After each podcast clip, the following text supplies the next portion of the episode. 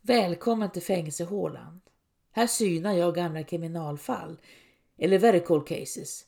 Och även om jag dramatiserar en aning försöker jag hålla mig så nära sanningen som möjligt. Brotten som jag tar upp är både kända som okända och spänner över det mesta från fylleri till mord. Dagens avsnitt handlar om en person som tillbringade mycket tid ute till havs. Johanna Fredrika Wangborg föddes på Härnön utanför Härnösand den 21 juni 1853. Hennes pappa Jonas Wangborg var båtsman och familjen bodde i ett gammalt hus med ladugård. De hade en ko, en gris, en get och fasligt många barn. 13 barn föddes i familjen på 24 år. Johanna Fredrika var tredje barnet och äldsta dottern. Familjens bakgrund, eller rättare sagt Fredrika Johannas mors bakgrund, var inte helt okomplicerad. Modern, Erika Asplund, var född på Sandö glasbruk. Hennes far, Nils Asplund, var inte glasblåsare eller kom ur den miljön utan arbetade på glasbruket som dagkar, typ verkstadsarbetare med mycket dåliga anställningsvillkor. Modern däremot, Fredrika Ditzler, var uppvuxen i en glasblåsarfamilj som flyttat land och rike runt. Hon hade tidigare varit gift med en glasblåsare som gått sin väg och lämnat henne ensam. Många sorger vilade på Fredrika Ditzlers axlar. Hennes egna föräldrar hade misshandlat hennes äldste son till döds när pojken var nio år gammal. Och så här skrev hennes första make, glasblåsaren Georg Wilhelm Henschen, året efter. Obarmhärtigt har inspektorn slagit mig såväl i verket som på brukets kontor. Det har varit så mycket svårare att mottaga som jag är besvärad av brock och sönderbruten i vänstra axel och i bröstbenet. Han har icke en gång givit mig frid när jag varit sjuk. Som förliden vinter så fick jag slag ut i högra sidan och var så svårt angripen att de som var med trodde att jag skulle dö. Men jag fick ändå ingen frid för inspektorn utan fick bud om att jag skulle infinna mig i brukets kontor. Georg Wilhelm Henschen hittade stöd 1825 utanför Kosta glasbruk. Och några år senare gifte Fredrika Ditzler om sig med Nils Asplund. Men bara några månader efter dottern Erikas födelse dog Nils Asplund och Fredrika Ditzler ramlade ner i ett utfattigt tillstånd. Först nio år senare fick hon hjälp av fattigvården. Som skrev Hon Fredrika som förer en ärlig och anständig levnad tilldelades ett årligt underhåll på tre riksdaler. Dottern, snart nioåriga Erika, bedömdes som ouppfostrad. Erika Asplund lämnade Sandö glasbruk ungefär 1845 vid 16 års ålder och reste till Gudmundrå. Kvar på Sandö var modern Fredrika och halvsystern Sofia Charlotta Henschen som närmade sig 30 och var dödligt sjuk i syfilis. Båda två dog året efter. Vid midsommar 1850, vid dryga 20, gifte sig Erika med båtsmannen Jonas Wangborg på Härnön och sedan kom barnen, de 13. Dottern, Johanna Fredrika Wangborg, som var född 1853, tog arbete som piga på Härnön och och in i Härnösand innan hon började tjänstgöra ombord på olika ångfartyg som gick både inom och utom Sverige. Odin, Thule och Birger. Under vintrarna bodde hon i städerna som båten lagt till i och i oktober 1882 vistades hon i Stockholm. Först arbetade hon hos en sjökapten vid namn Axel Tigerhjelm som bodde på Södermalm med sin familj. Men där tvingades hon sluta.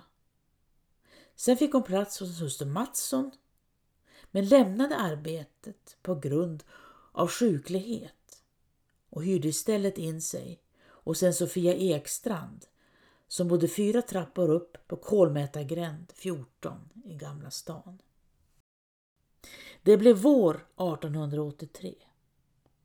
Vattnen var farbara igen. Men Johanna Fredrika Wangborg hade blivit kvar i Stockholm.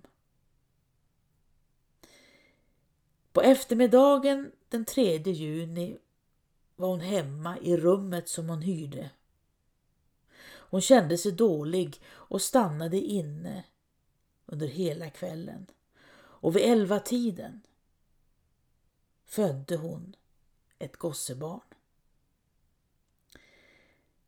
Barnet levde men Fredrika ströp det omedelbart med sina händer. Man kan ju tänka sig hur lyhört det var i de gamla husen. Dagen efter, men först på eftermiddagen, virade hon in barnets kropp i en av sina kjolar och kastade knytet i vattnet borta vid klappbryggan som låg nedanför Mynttorget.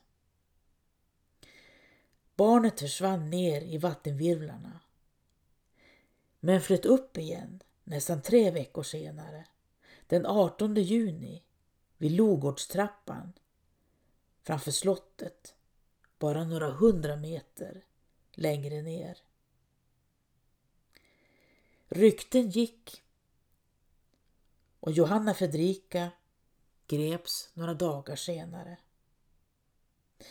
Då hade hon redan lämnat Kolmätargränd och flyttat till Köpmansgatan 12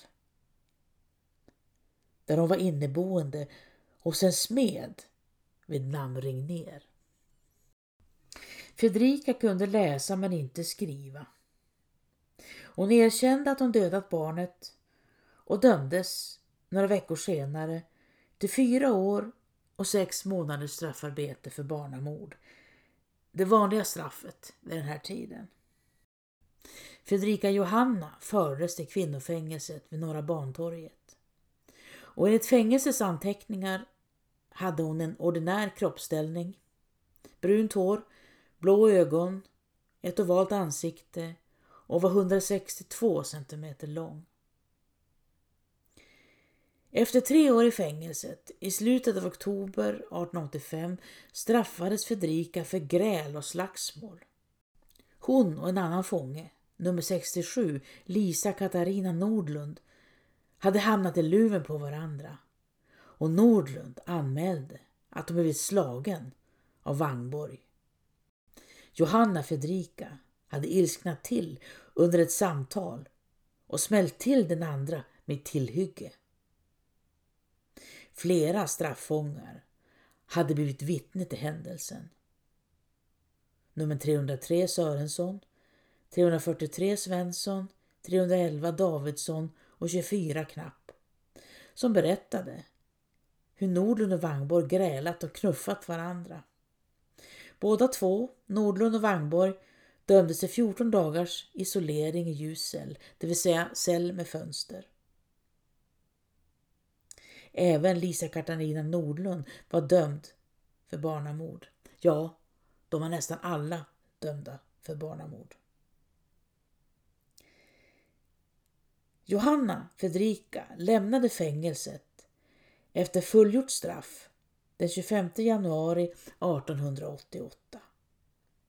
Två personer kom och mötte henne i fängelset. Johanna Fredrikas två år yngre syster Kristina Erika och hennes make. De hade flyttat till Stockholm året innan och bodde nu på Luntmakargatan 65. Det var vinter. Vattnen var inte farbara. Och den närmaste planen var att Johanna Fredrika skulle bo hos sin syster och svåger. Senast 1890 lämnade Johanna Fredrika Stockholm och reste till Göteborg. Samma år bodde hon på Bergsgatan 18 i Haga men flyttade senare till Masthugget innan hon återvände till Haga igen. 1892 blev hon gravid ännu en gång och i februari året efter födde hon en dotter.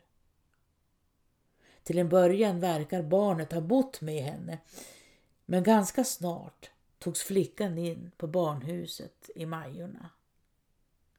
Med tanke på Johanna Fredrika Wangborgs arbete ute på sjön var det givetvis svårt att samtidigt sköta om ett barn.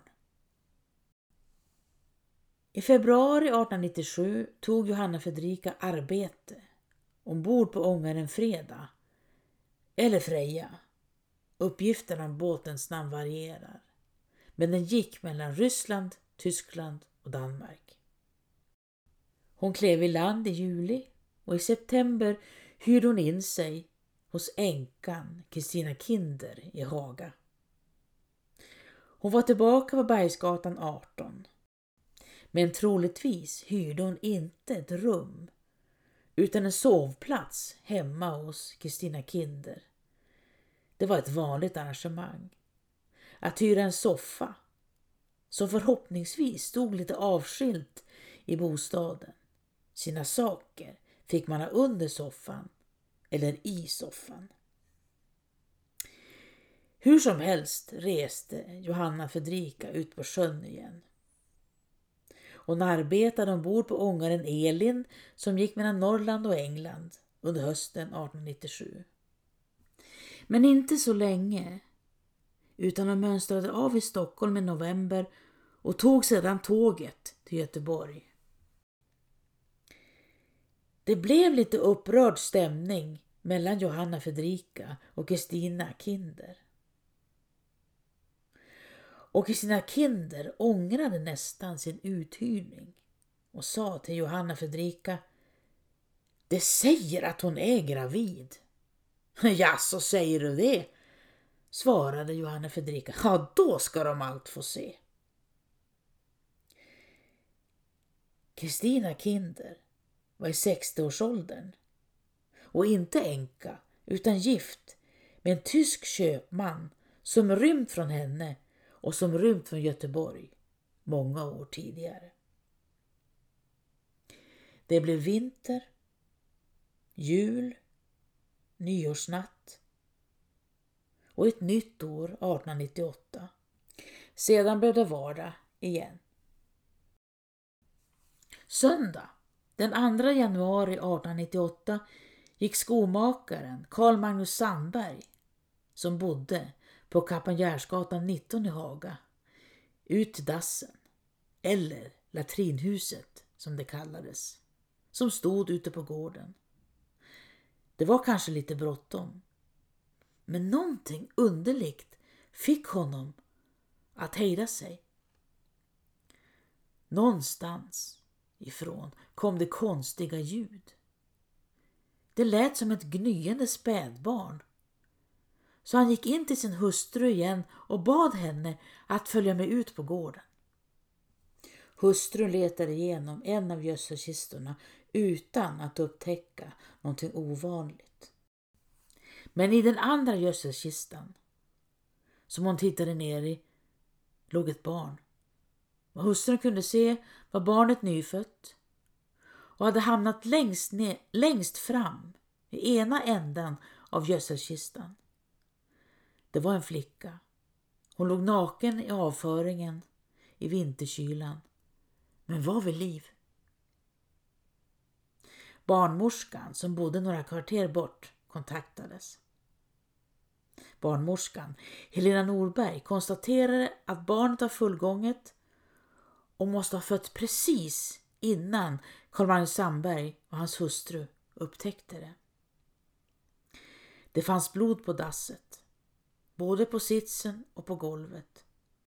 Och det måste ha gått till på det viset att någon, nämligen bestämt en okänd kvinna, gått in på deras dass nu på morgonen och fött ett barn som hon inte bara lämnat i latrinkistan utan också puttat in så långt som möjligt så att ingen skulle upptäcka det. Carl-Magnus Sandbergs hustru bar in barnet i bostaden och började genast sköta om det. Medan Carl-Magnus Sandberg gick bort till polisstationen och rapporterade det som hänt. Han gjorde sig ingen brådska utan gick till polisen först nästa eftermiddag, den 3 januari. Carl-Magnus Sandberg var 64 år och hans hustru Britta-Maria Pettersdotter tre år yngre. Han var enkeman och hade vuxna barn sedan tidigare men hustrun var barnlös. Vem var modern? Barnet, flickan, mådde bra och sköttes om av fru Sandberg. Men vem var flickans mor? Som fött henne och lämnat henne på ett dass i början av januari, uppenbarligen för att hon skulle dö där. Hade inte någon sett någonting. Jo, en och annan hade gjort vissa iakttagelser. Fiskmånglerskan Marie Andersson som bodde i källaren på gården, Kaponjärsgatan 19, hade just den morgonen fått syn på en okänd kvinna som vankat fram och tillbaka ute på gården som om hon letade efter någonting. Först hade kvinnan tittat in i en vedbod och sedan i ett annat litet utrymme där det fanns en liten trappa innan hon försvann bort över gården mot latrinen. Maria Andersson hade inte sett kvinnan gå in på dasset. Men det hände runt tio på förmiddagen. Ungefär strax innan Carl-Magnus Sandberg behövde uppsöka latrinen. Hur hon såg ut? Ja, kvinnan var mellan 35 och 40 år gammal. Lång och mager och klädd i en mörk kjol och en grå sjal som hängde över huvud och axlar. Två 14-åriga pojkar hade också sett den främmande kvinnan samma morgon. Signalementet av kläder stämde väl överens med Marie Anderssons vittnesmål. Karl August Bengtsson bodde i huset på Kaponjärsgatan 19 och hans kamrat Carl Gustav Blankenfjell, kom från Bergsgatan. Det hade stått i portgången när kvinnan, som det skrevs som gammal, kommit in på gården. Hon hade frågat dem efter nyckel till latrinen och det hade visat henne på en dörr som var olåst. Kvinnan försvann in på dasset och kom ut igen efter omkring tio minuter. Hon tittade sig omkring men gick sen in på dasset igen och stannade väl omkring fem minuter till. Sen lämnade hon gården och gick upp för Kaponjärsgatan i riktning mot Skansberget. Där slutade alla spår. Barnet fick namn. Karin Ingeborg Charlotta. Och döptes. Det beslutades att hon skulle få stanna kvar hos makarna Sandberg. Än så länge. Och hos dem var glädjen stor. Samtidigt, något kvarter bort, sökte en mycket medtagen kvinna hjälp på barnbördshuset på Vasagatan. Hon blödde kraftigt efter en förlossning. Det kunde man konstatera. Men barnet? Var fanns barnet? Kvinnan hette Johanna Fredrika Wangborg. Hon var ångbåtskokerska till vardags. Men barnet, var fanns barnet? Det kunde hon inte svara på riktigt. Men rykten hade gått och många kände till barnet som hittats på latrinen på Kaponjärsgatan. Johanna Fredrika nekade först. Och tidningen Kalmar skrev den 8 januari. Det nyfödda flickebarnet som nyårsdagen hittades i Göteborg utkastat i världen av sin hjärtlösa moder har fått öm vård hos dem som upptog den lilla hjälplösa varelsen. Det åldriga paret, skomakaren Karl Sandberg och hans hustru, vill ej bli av med sitt hittegods. Och barnet får nog för övrigt bättre dagar hos dem än hos modern, som nu är funnen. Denna är en 45-årig kvinna, Fredrika Johanna Wangborg, boende hos en änka Kinder i huset 18 vid Bergsgatan. Wangborg, som haft tjänst på ångaren Elin, nekade till en början men fann slutligen för gott att erkänna. Flera tidningar skrev om händelsen. Johanna Fredrika kallades för en onaturlig moder men också för en sjöjungfru med tanke på alla arbetsturer ute till havs. Johanna Fredrika berättade att hon ombord på ångbåten som gick mellan Ryssland, Tyskland och Danmark blivit bekant med eldaren Johan Sandin som hon också blivit gravid tillsammans med. Han var däremot ingenting att ha inför framtiden. Johan Sandin var gift och bodde i Stockholmstrakten med hustru och småbarn. Bergsgatan 18, där hon hyrde in sig hos fru Kinder, var en stor fastighet vid Skansberget där människor flyttade in och ut som en ständig pågående rörelse. Klockan två på natten den 2 januari hade förlossningsverkarna satt i och vid åtta tiden på morgonen klädde Johanna Fredrika på sig och gick ut för att hitta ett ställe som hon kunde föda barnet på. Hon gick in på Kaponjärsgatan. Det var inte långt, det tog bara någon minut. Och hon uppehöll sig på dasset i omkring tio minuter. Under den tiden födde hon barnet. Förmodligen rakt ner i gödselkistan. Slet av navelsträngen och puttade in kroppen mot kanten av latrinen. Men när hon gick ut hade hon inte barnet med sig. Hon hade inte haft en tanke på att döda det, försäkrade Fredrika, utan hade bara varit så kraftlös och förvirrad efter förlossningen att barnet blivit kvar av någon anledning.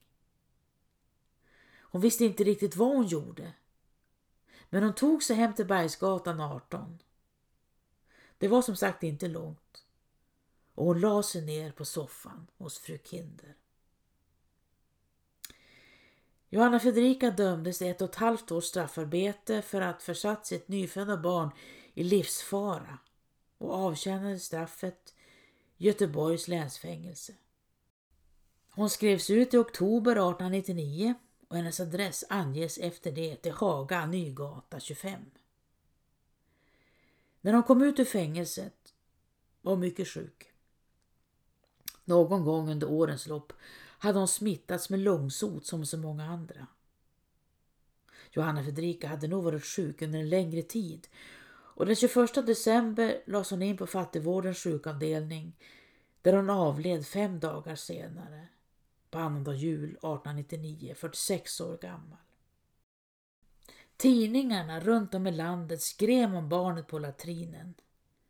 Men inte tidningarna runt Härnösand, Johanna Fredrikas hemstad. Däremot skrev tidningarna som hade anknytning till Härnösand om Johanna Fredrikas 20 år yngre bror Oskar Wangborg eller Otto Nordlund som han kallade sig. Samtidigt som Johanna Fredrika dömdes för försök till barnamord fälldes han för stöld av en börs innehållande 30 kronor. De kände knappt varandra, bror och syster. Oskar hade varit tre år när Johanna Fredrika gav sig av hemifrån och ut på sjön. I avsnitt 21 av Fängelsehålan, ett kokstryk, återfinns berättelsen om Fredrika Ditzlers son Dominicus Henschen som blev ihjälslagen av sina morföräldrar.